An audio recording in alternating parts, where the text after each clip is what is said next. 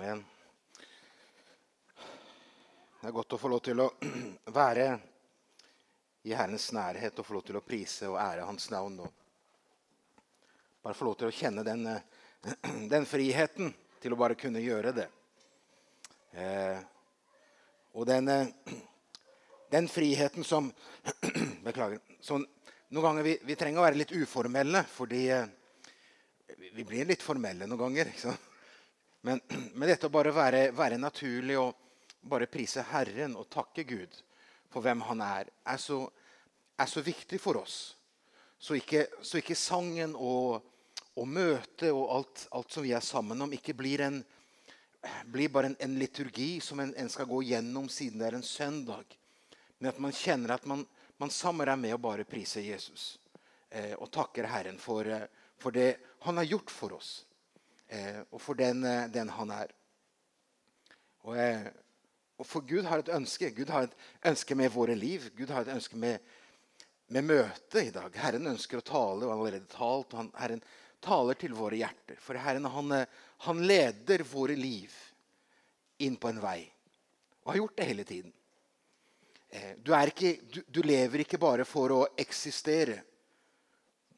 Du lever fordi Gud ønsker å bruke deg. Gud ønsker noe med ditt liv.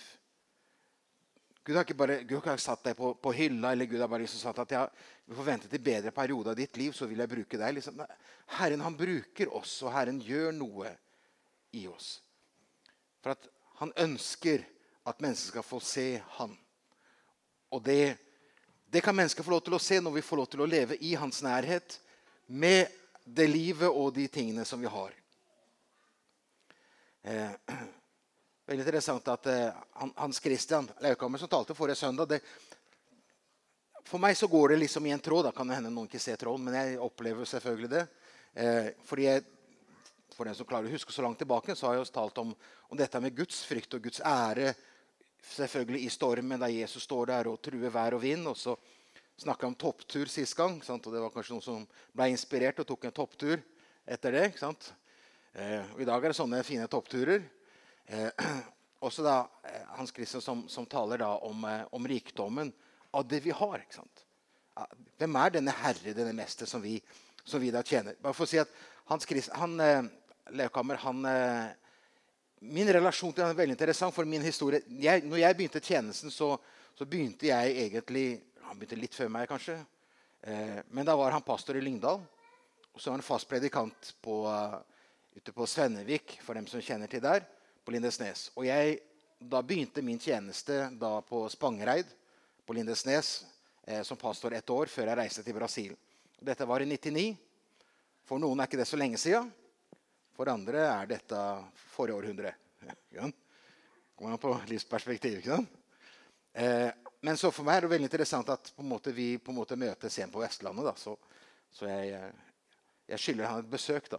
Så eh, jeg venter til Hardanger blir litt finere, så skal jeg besøke han. Så Det sier at våren er veldig fin der. Så. Men det er, det er, hvordan Gud på en måte bruker andre som man ikke har snakka med, leder inn i, i, det på en måte Herren ønsker for våre liv. Eh, og I dag så, så, så, skal ikke jeg snakke om toppturen, selvfølgelig. Men jeg går videre i den, i den, i den hendelsen og snakker om et, et, liv i dalen. Og da tenker du ja, ja, det det er skyggedaler her. ikke sant? Det er skygge her, ikke sant? Men det interessante med den beretningen Vi leste fra Matteus 17. Jeg skal lese fra Markus 9, ikke Matteus, men jeg skal ha Markus sin beretning. Men, men vi leser om, om, en, om, en, om, et øyeblikk som er veldig interessant. Fordi i det ene øyeblikket så er tre av disiplene de står der innenfor Guds herlighet. Og de har sin toppopplevelse i livet. Samtidig så er ni av dem nede i dalen og opplever sine livs skuffelser og tjenestens skuffelser, der troen ikke strekker til, der de ikke får ting til. Den ene gruppa er der oppe, og den andre er der nede. ikke sant? Den ene opplever å se Jesus sin herlighet og kommer ned fra fjellet full lovprisning.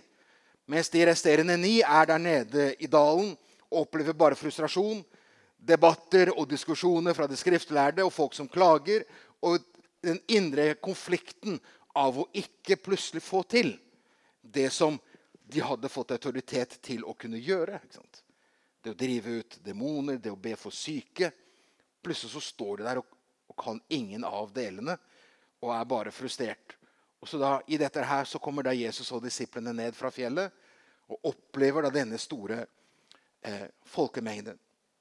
Og det er ikke det fordi at eh, Jesus er på Eller Gud er på toppen, og nede i dalen er det bare trist og mørkt. Men, men eh, vi skal se at, at, Gud er den samme, den som er på toppen, og den som er i dalen. Herren er den samme. Noen ganger så snakker vi kanskje de, her Går vi ned fra fjellet, så får de en, en virkelighetsoppfatning. Men det er litt feil å si, fordi det er like stor virkelighet Jesus sin storhet og herlighet. Men, men de får kanskje en, en, opplevelse av å si at 'jeg er ikke der borte bare', men jeg er kalt til å være her nede i dalen. Hvor behovene, hvor menneskene er bundet av demoniske makter. Hvor mennesker er underlagt denne verdens gud. Hvor mennesker er bundet av synd og sykdom. Der mennesker opplever at, at livet er ødelagt på mange måter. Og så er det at de er kalt inn i den verden. Ikke for å leve i skyggedalen eller i dalen bare som en dal, men for å være der i Guds herlighet. Med Jesu Kristus sin herlighet. Eh, så det ble kanskje en virkelighets, ny virkelighetsoppfatning for disiplene, for de visste jo det. Men det ble på en måte en, en oppvekker at den herligheten som jeg opplevde på fjellet, han er, han er med meg videre ned i dalen. Eh, jeg husker et intervju med han eh, Warholm like etter OL. Når han hadde slått verdens, eller sin verdensrekord og på en måte var en måte der oppe med livet, og alt var jo på topp. Liksom, nå hadde han klart å nå å slå et verdensrekord som hadde stått der i så mange år. Og det målet som han hadde for sitt liv, var å slå denne verdensrekorden på selve OL. Og så husker jeg sånne typiske sportsjournalister. Hva føler du nå, liksom? Veldig intelligente spørsmål, men det er alltid sånn sporsomt. Hva føler du nå? ikke sant? Og så sier han Jeg føler meg bare tom. Fordi det jeg har kjempet og, og på en måte strevd hele livet, er jo for å nå det, denne toppen. her, gjøre dette. Nå vet jeg ikke hva jeg skal. Ja, Hva skal du nå? Hva tenker du nå? Du snakker om EM, du snakker om andre ting. Altså, jeg vet ikke. Jeg har ikke peiling. Jeg vet ikke. Den opplevelsen av tomhet av at han hadde nådd. Og det er selvfølgelig den opplevelsen som Jesus ikke vil at disiplene som var med ham ned fra fjellet, de tre, skulle oppleve. selvfølgelig av plutselig sånn, Jeg har jo sett alt. Jeg har liksom opplevd Jesus og liksom Jeg kan være der. Men Jesus ønsker å bringe dem selvfølgelig ned og, og se dette at markene er alt hvite til høst. Ikke det at de skulle bare se problemene og vanskelighetene og hva folk opplevde. Men de skulle også få lov til å se hva Gud gjør selvfølgelig videre nede i dalen blant mennesker. Kan hende noen av dere tenker har han glemt å lese teksten. Ja, Nei da, jeg skal, jeg skal lese teksten. Eh, men før vi leser teksten, så tenkte jeg skulle bare eh, si litt om dette her. For å få det perspektivet at for tre stykker så var de oppe på fjellet, mens ni andre var i livets frustrasjon og tjenestens sitt frustrasjon. Eh, vi kan lese fra kapit Markus kapittel 9, også vers 14. Eh, så leser vi hele denne, eh, den beretningen til og med vers 29. Markus kapittel 9, også vers 14. Så kan jeg lese hva som står på skjermen, da, så får vi samme oversettelse. Er sånn. Nå har jeg én oversettelse, og dere får en, en annen på, uh, på veggen. Å nei, det er samme oversettelse. ja. Flott. Ja, men det er bra. Der står det slik da, kom, eh, da han kom til disiplene, så han en stor folkemengde rundt, rundt dem og noen skriftelærde som diskuterte med dem. Med det samme eh, de så han, ble, de, ble hele folket svært forundret, og de løp mot ham og hilste ham. Han spurte de skriftlærde hva er dere diskuterer med dem. Da svarte en i flokken og sa, 'Mester, tok, eh, jeg tok min sønn til, eh, til deg. Eh, han har en stum eh, ånd.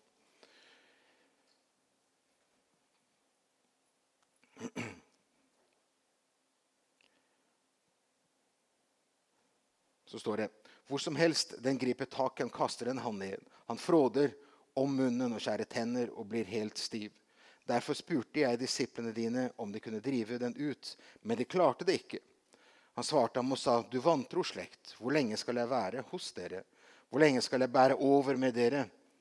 Følg, eller før ham til meg. Da førte de gutten til ham. Da den så ham, rev den straks i ham, og han falt til jorden og velte seg, og fråden sto om munnen på ham. Da spurte Jesus hans far, hvor lenge har han hatt det slik? Han svarte, fra, fra barndommen. Og ofte har han kastet ham både i ild og i vann for å ødelegge han. Men hvis du makter å gjøre noe, så ha barmhjertighet med oss og hjelp oss. Jesus svarte ham, hvis du kan tro, alt er mulig for den som tror. Barnets far satte straks opp i å rope eh, og sa med tårer, Herre, jeg tror, hjelp min vantro. Da Jesus så at folket kom løpende og samlet seg, refset han den urene ånden og sa til dem, døv og stumme ånd, jeg befaler deg, far ut av ham, og far ikke mer inn i ham. Da skrek ånden og rev kraftig i ham og for ut av ham. Han ble som død, så mange sa, han er død. Men Jesus tok han ved hånden og løftet han opp og reiste. Og han reiste seg. Da han var kommet inn i huset og var alene, kom disiplene hans og spurte ham, hvorfor kunne ikke vi drive den ut?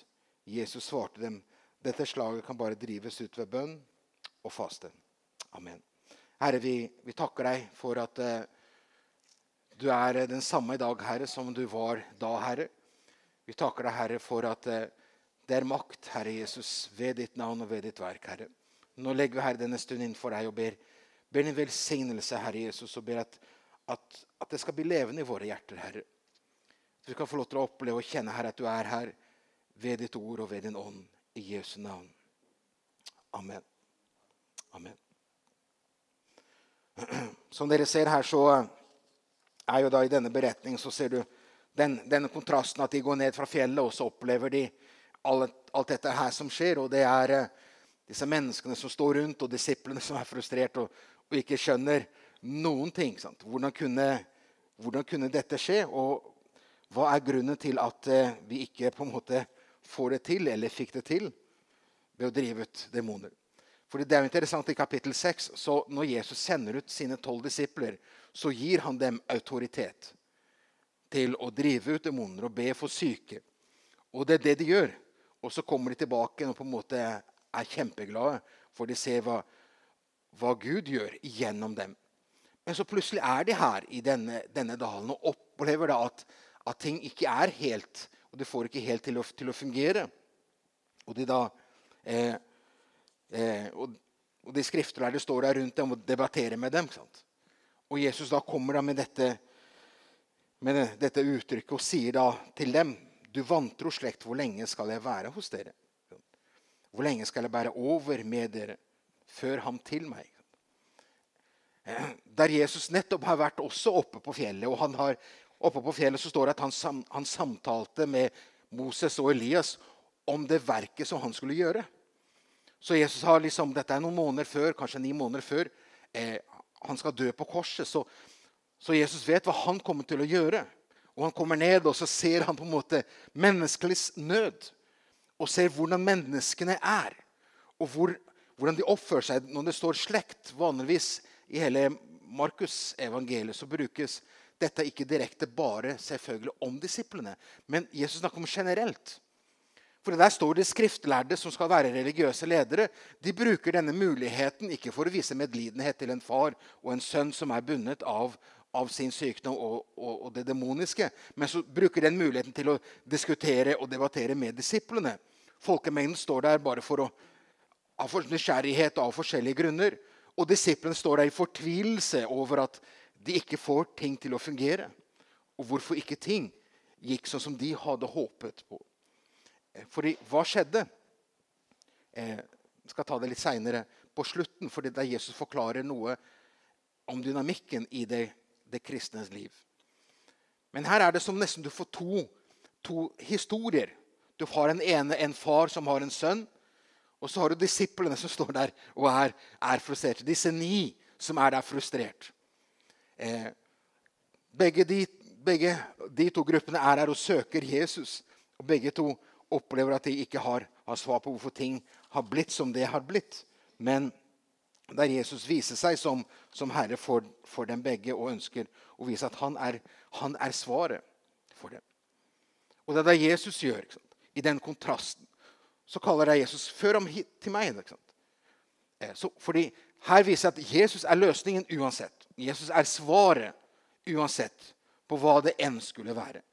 Og så gjør du da og Demonen, når den kommer Jesus i nærvær, så på en måte åpenbarer den seg, denne gutten som er støv, eh, som er stum og blind, og som på en måte fråder i dette her. Og Jesus behøver ikke å vite hva som har skjedd. Han vet jo hva som er der. Men han spør jo faren. ikke sant? Hvor lenge har han hatt det slik? Nesten et intervju. liksom. Eh, så viser noe om, om, om, Jesus sitt omsorg for far. For at han skal uttrykke frustrasjonen, uttrykke hvor lenge dette har, har vart, og hvordan dette her foregår og har foregått i livet til da, til da sønnen. Og hvor da han på en måte avslutter i alt dette her, i den han forteller hva, hva som skjer med den, denne gutten, så står det vers 23. ikke sant? Der hans, han, han, som far på en måte kommer med denne nøden og sier 'Hvis du makter' ikke sant? Herre, herre er, det, er det noen løsning? Hvis du makter, hjelp, Herre. Se til oss, se til mitt liv, se til min sønns liv.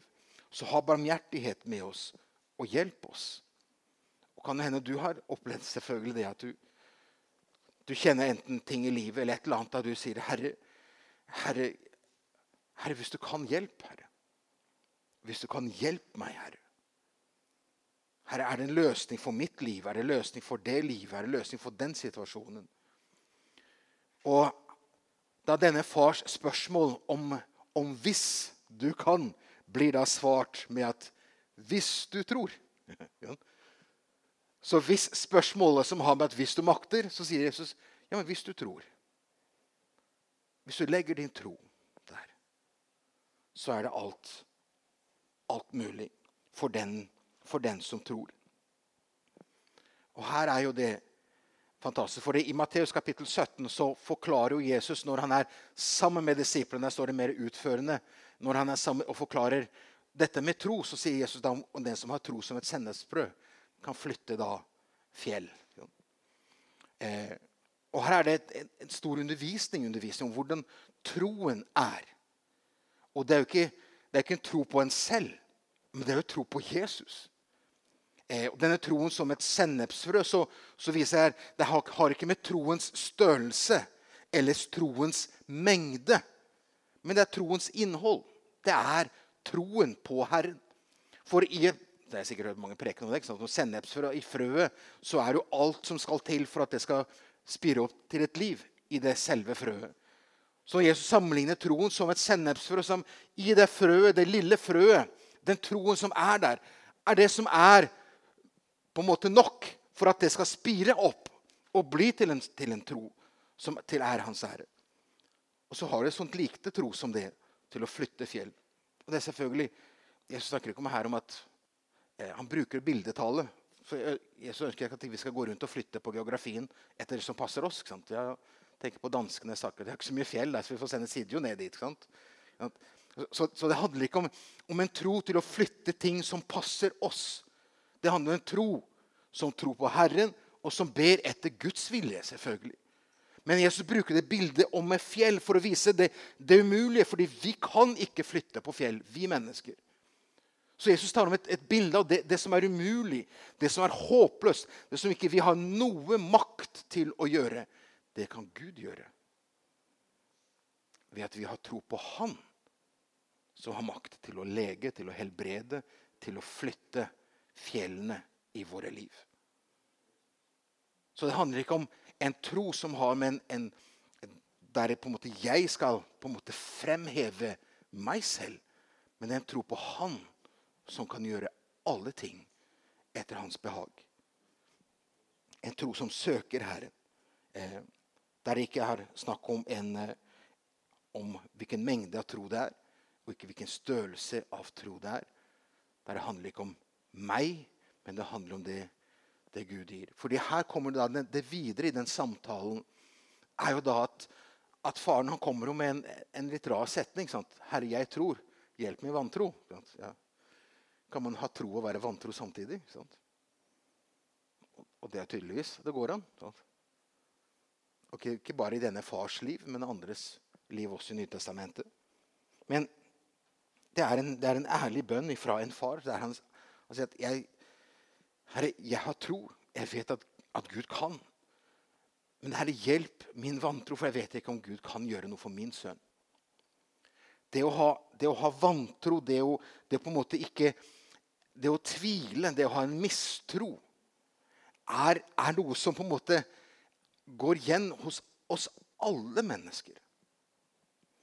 Det å ha tro, men samtidig slite med en vantro. Du ser hvordan Jesus da møter da denne far. så refser ikke Jesus denne far for hans, hans vantro.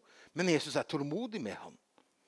Hvordan er Jesus er overfor en av sine disiplene som senere nekter på at Jesus har stått opp fra de døde. Og jeg vil bare tro på det om jeg kan ta, se og ta på hans sår, både i hender og på siden.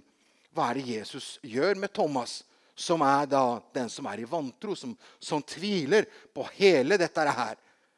Jesus viser seg for Thomas. Så står det åtte dager senere. Etter at han har sagt dette, så går det åtte dager. Så viser Jesus seg for, for Thomas. Thomas, her er jeg. Fred være med dere.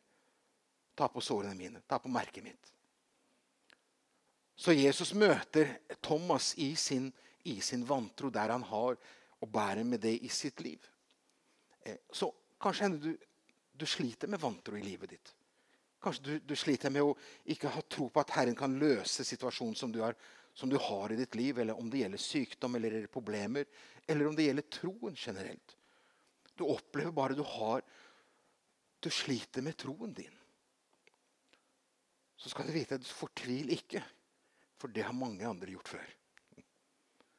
Og Herren vender ikke deg ryggen om du på en måte tviler, om du har, om du har kamp med din tro. Fordi du skjønner, vi må forstå også troen, hvor den kommer ifra. Fordi Noen ganger så tror vi at troen er noe som jeg har skapt ved min egen tanke. Men så står det jo, bl.a. i Efeserbrevet og i Romerbrevet, som jeg skal referere til her. Men det står at, at troen er en gave. For vi har ikke kunnskap nok til at jeg skal kunne tro. Tro er en gave. Det er noe overnaturlig Gud gjør i våre liv idet vi åpner våre hjerter. Troen er skapt av Gud. Troen kommer av forkynnelsen Paulus.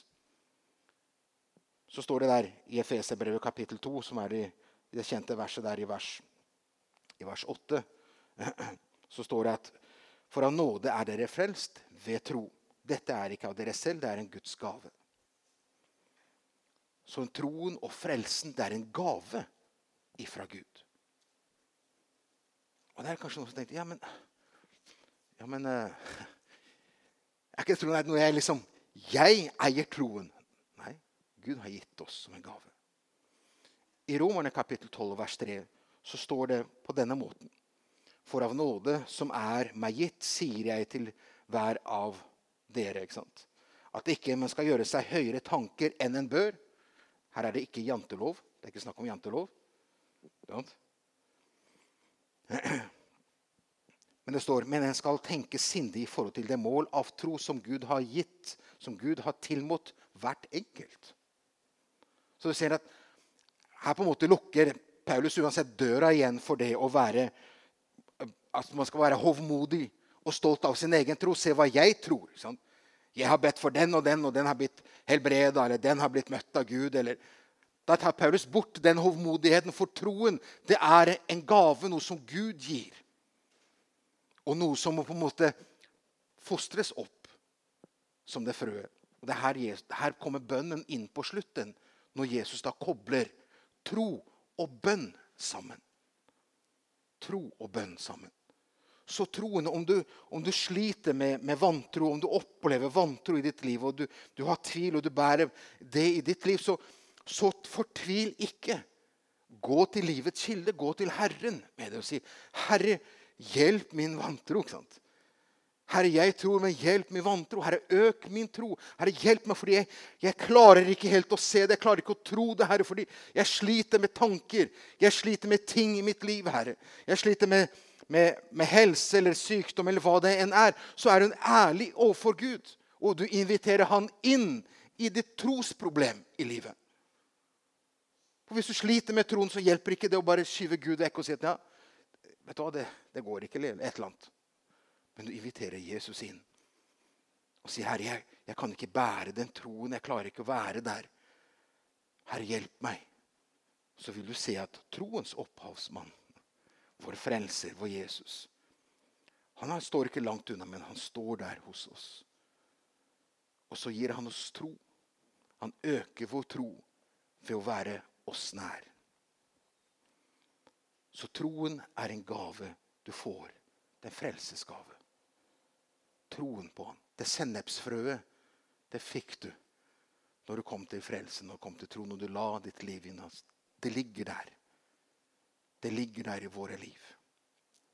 Og det er jo spørsmålet Hvorfor er det vi ikke får det til? Er det disiplene spør. ikke sant? Herre, hvorfor, hvorfor skjedde det ingenting? sant? Herre, hvorfor kunne ikke vi drive den ut? spør da, da disiplene. Spør de da Jesus. Og så og så sier Jesus her, da Denne slags kan bare drives ut ved bønn og faste. Og det er den teksten der I Matteus så er det mer utførende da Jesus snakker om tro som et sennepsfrø til å kunne flytte fjell, for alt er mulig for den som tror. Så knytter Jesus troen der, men ikke av mengden av tro, men troen som er der. Men han knytter det opp imot bønn. Hvor viktig tro og bønn er der. Fordi hvis ikke du ber, så tror du ikke. Hvis du tror, så ber du. Det er en naturlig del, for hvis du virkelig tror, så ønsker du å komme inn for Herren med alle ting. Men hvis du ikke har tro der, så vil du, vil du etter hvert be mindre. For hvorfor skal jeg be? Vil Gud svare meg? Vil Gud høre meg? Så Jesus kobler opp tro og bønn. At det er der.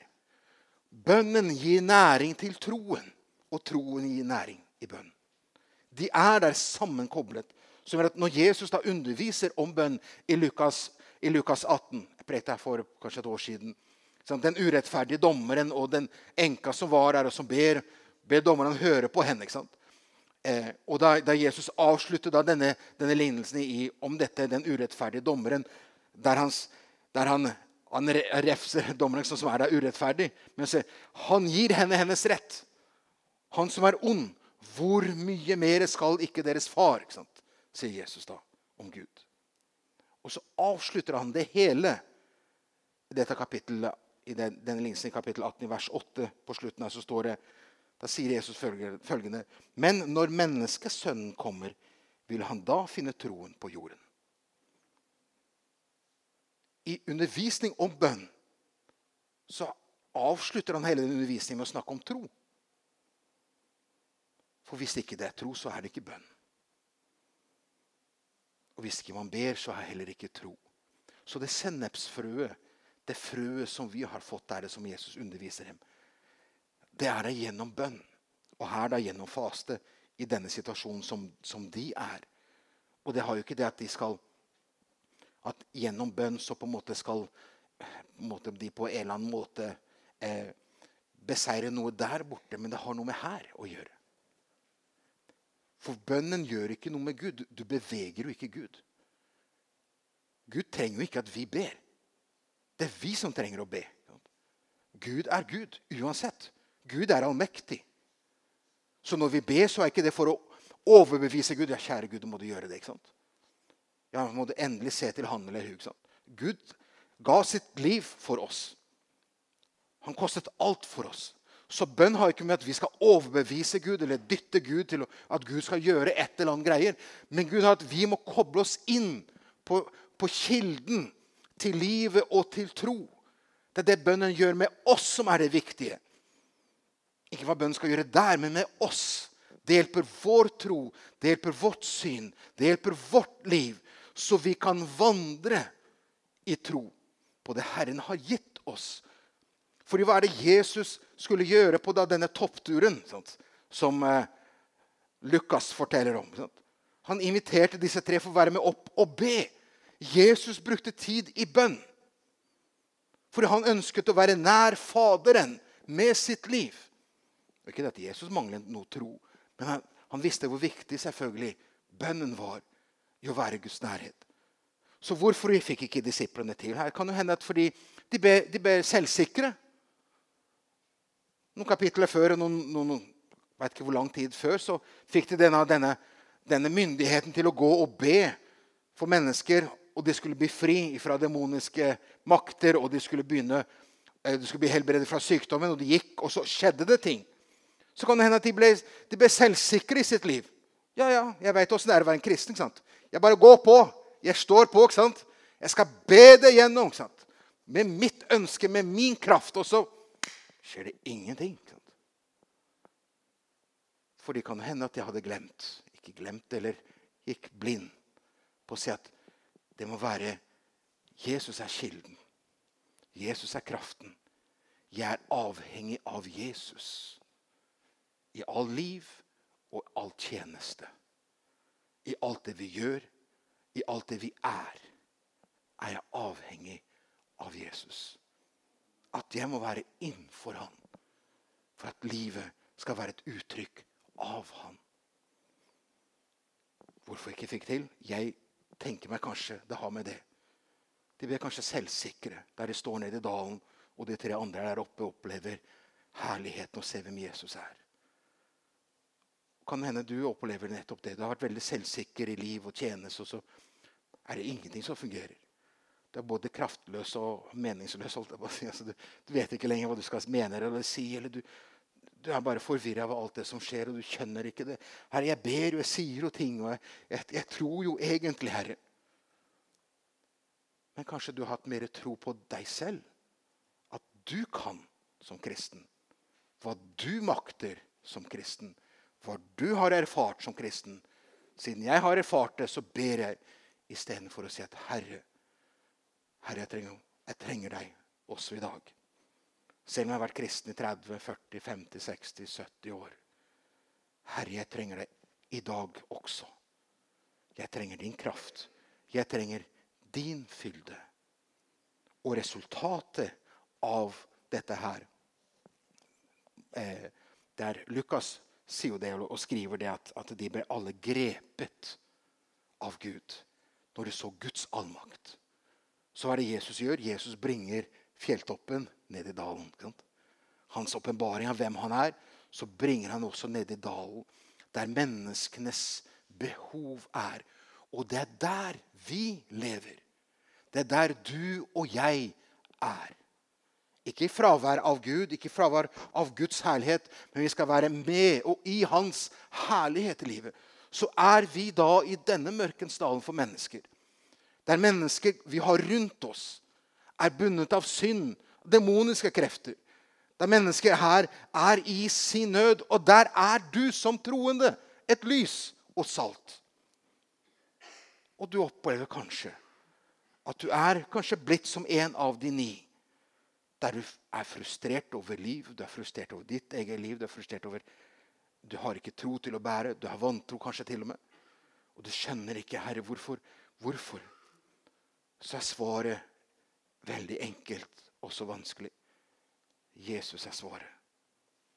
Han må vokse. Jeg må avta. Jeg må tilbake kanskje til bønn og bare erkjenne. Jesus, du må bli, Herre, større i meg. Herre, jeg erkjenner at hvordan jeg lever, hvordan jeg tenker, alt det som har jeg rundt meg i mitt liv, Herre, det har blitt sånn menneskelig, Herre. Det har blitt min styrke, min tro, hva jeg kan, Herre. Så har det ikke blitt deg, Herre. Herre, jeg trenger deg. For at jeg kan være lys og salt i denne verden. Fordi denne dalen som de disiplene gikk ned i, som jeg sa igjen, det er den dalen vi lever i. De menneskene som du omgås med, de menneskene som bor rundt her, de som du har i din familie og vennekrets, de er jo der. I dette, denne dalen med sin fortvilelse, Noen er der som skriftlærde og bare ønsker å være der for å på en måte sette deg fast i et eller annet. og Vil der bare diskutere og vil bruke hver eneste svakhet som du har i ditt liv, som et øyeblikk for å kunne diskutere om Gud, eller hva det enn er. Så er det andre som er bare nysgjerrig, og så er det andre som kommer, kommer til deg med sine behov, sin lengsel. Det er der vi er i denne verden. Og som vi trenger av at Jesu Guds herlighet får lov til å skinne gjennom våre liv. Så det Jesus da sier 'Meg er gitt all makt i himmel og på jord', at det da kan være en virkelighet, at vi forstår det. At, at vi, når vi da går derfor ut og gjør alle folkeslag til disipler, så gjør vi det ikke vår, i vår kraft, i vår tro av det vi klarer å få opp. Men vi gjør det i troen avhengighet av Han, hva Han har lovt, hva Han har sagt, hvem Han er, Jesus Kristus. Så her blir Han æret. Ikke vi, selvfølgelig, men Han blir æret. Det ble en nød i mitt hjerte. Og for dem som var med på gruppa i Brasil, så besøkte, fortalte jeg forrige gang her, så var vi besøkte en familie der far og søsken eller alle mennene var enten alkoholikere eller narkomane. Og de ti barna som da bare lekte der i, den, i det bassenget. En håpløs tilværelse. Det, det, er ingen håp. Der de på en måte prøver å kare til seg på en eller annen måte klarer å overleve i et samfunn som er dønn urettferdig, i et liv som er bundet av, av alkohol, narkotika, synd og alt det som er. Og så plutselig så står vi der da, som representanter av Guds rike. Med all svar, med alle ressurser for dem sitt liv. Og når jeg da spør ja, kan vi være med å be for dere, ikke sant? så er det selvfølgelig ja. ja. Det er liksom ikke pell deg vekk, liksom. Ja, vær så snill. Ja. Og da står der i ring og ber. Så skjer det noe. Jeg så det ikke. Jeg bare ba. Takka Gud. Så fikk jeg en mail her seint i går kveld. Da var det han ene av dem som var der som Gud hadde rørt i hans hjerte. En ungdom. Satt han med fotlenke fordi han hadde drevet med salg av narkotika. Så er det bedre å sone hjemme, da, hvor han kan selge hjemmefra. selvfølgelig. Men han satt der og var narkoman. Og så Plutselig så opplever han i denne bønnen og i dette øyeblikket så opplever han Guds nærvær i hans liv. Der han sier, 'Jeg har ikke noe annen utvei'. Jesus er med. Så han gikk på møte, da. Politiet kom på møte og henta han, for han hadde gått for utenfor sin sone, der han skulle sone hjemme. Men han gikk på møte som vi har der i, i, i slummen. Der så er det en menighet der, som var ca. 500 meter fra huset. Så han gikk på møte, ga sitt liv til Jesus og ble henta av politiet. For han hadde gått utenfor. Men han opplevde det som så mange mennesker lengter etter. Og vi sitter med det. Vi har svaret for mennesker. Og jeg, jeg, håper ikke Jeg står ikke med pekefinger. Men jeg står her bare at vi skal få kjenne nøden i våre hjerter. At Herre, Herre, hjelp oss, Herre, så ikke vi vi blir bare på toppen og er, er herlig å være frelst. Men Jesus, la jeg få lov til å være en som bringer deg der jeg er. Med de menneskene jeg har rundt meg. Så jeg kjenner nød i mitt hjerte, Herre. Jeg får lov til å kjenne som Jesus kjente. ikke sant? Og Jesus uttrykker hvor lenge skal jeg bære over med dere? ikke sant? Hvor lenge? Hvor lenge? Jeg skal snart dø på korset og gjøre alt jeg skal for dere, men jeg skal fare opp til himmelen. Dere andre skal være her. Dere skal være mine vitner. Jesus kjente nøden av hvordan menneskene hadde at vi må kjenne nød for mennesker. Kjenne nød for dem vi har rundt oss. Det må være et, et rop i vårt hjerte her i menigheten. At vi Herre, ikke, ikke, ikke la oss bli så, så selvstendig våre liv og så selvopptatt av våre liv, Herre. Av hvor flott vi har det, Herre. At vi kjenner at vi kan få lov til å se, Herre, nøden rundt oss. Slik at nøden kan bringe oss på kne igjen og si at 'Herre, det må være mer av deg, Jesus'. Fordi jeg klarer ikke å bringe, Herre Jesus. Jeg klarer ikke å leve der hvor de ønsker, Herre. Så der vi kan få lov til å komme til kort og få lov til å si at ja, Herre, du må være, du må være min kraft. Eller om du sitter her og opplever at du, du, med, du sliter med troen av livet og alt det som er. Om alt det du kan bære med i ditt liv. Du kjenner kanskje skam på det. Du kjenner kanskje forskjellige ting i dette her. Jesus han vender ikke deg ryggen. Han sier ikke ja, 'så skuffa jeg er over deg'. ikke sant? Men han står her i formiddag enda en gang ved sin ånd og sier, 'Kom til meg'. La meg få lov til å bringe liv og tro i ditt liv. Så ikke troen er basert på hva du men du kan få lov til å oppleve 'jeg kommer til deg'. Jesus ønsket ikke at Thomas skulle leve li sitt liv i vantro. Han ønsket at Thomas skulle leve sitt liv i troen på den oppstandende Kristus. At det var virkelig. Jesus er her. Himmelske Far, Herre, jeg takker deg i ditt navn, Jesus, for at du, eh, du, elsker, du elsker oss så inderlig, Herre. Herre, jeg takker deg, Jesus, for at du det smerter selvfølgelig Jesus ditt hjerte å se hvordan menneskene har det, Herre. Hvordan ting er rundt oss, Herre. Jeg takker deg, Jesus, for at din kjærlighet er ikke uforanderlig, Herre. Eller den er uforanderlig, men, men at du elsker oss like mye, Herre Jesus, i dag som før, Herre. Jeg takker deg, Jesus, for at du, du glemmer oss ikke, og du vender oss ikke bort, Herre, om vi feiler, om vi svikter, om ikke vi klarer, Herre. Om vi lever i en skuffelsestid med vår tjeneste og våre liv, Herre så er du den samme Herre som møter oss der vi er, Herre. ber jeg Jesus for våre liv, vi som er her i formiddag, Herre. Herre, at du må bli stor og mektig i vårt indre, Herre. Herre, Jeg ber at du skal møte den enkelte av oss, Herre. Så vi kan få lov til å kjenne nød, Herre Jesus, i våre hjerter for mennesker. At vi kan få lov til å si at vi er lysbærere, Herre. Vi bærer, Herre Jesus, svaret for menneskene, Herre Jesus. Vi bærer med oss Herre, vitnesbyrd om deg, Herre. Så ber jeg Jesus for, for dem eller de herre, som sliter med troen og sliter med vantro, Herre. Om det gjelder helse, om det gjelder livet eller troen, Herre Jesus, på så mange ting, Herre. Herre Jesus, må de få lov til å se Herre, at de kan få lov til å bringe inn for deg, Herre Jesus, vantroen som denne far har. Han sier, 'Herre, hjelp min vantro.' Så priser jeg ditt navn, Herre, så du møtte denne fars vantro, Herre så ber jeg Jesus at du skal møte Herre Jesus. Den som sliter med det her i formiddag, skal få lov til å oppleve at troen er hos deg, Herre. At du føder livet, Herre Jesus, inn i våre liv, Herre. At vi blir bærende av en tro på deg, Herre Jesus. Takker og priser ditt navn, Jesus. For at du ønsker, Herre, du ønsker, Herre Jesus, at vi skal være lys i denne dalen, Herre. Kjære Jesus. Kjære Jesus. Herre, la det nød komme i våre hjerter, Herre. Halleluja, Jesus.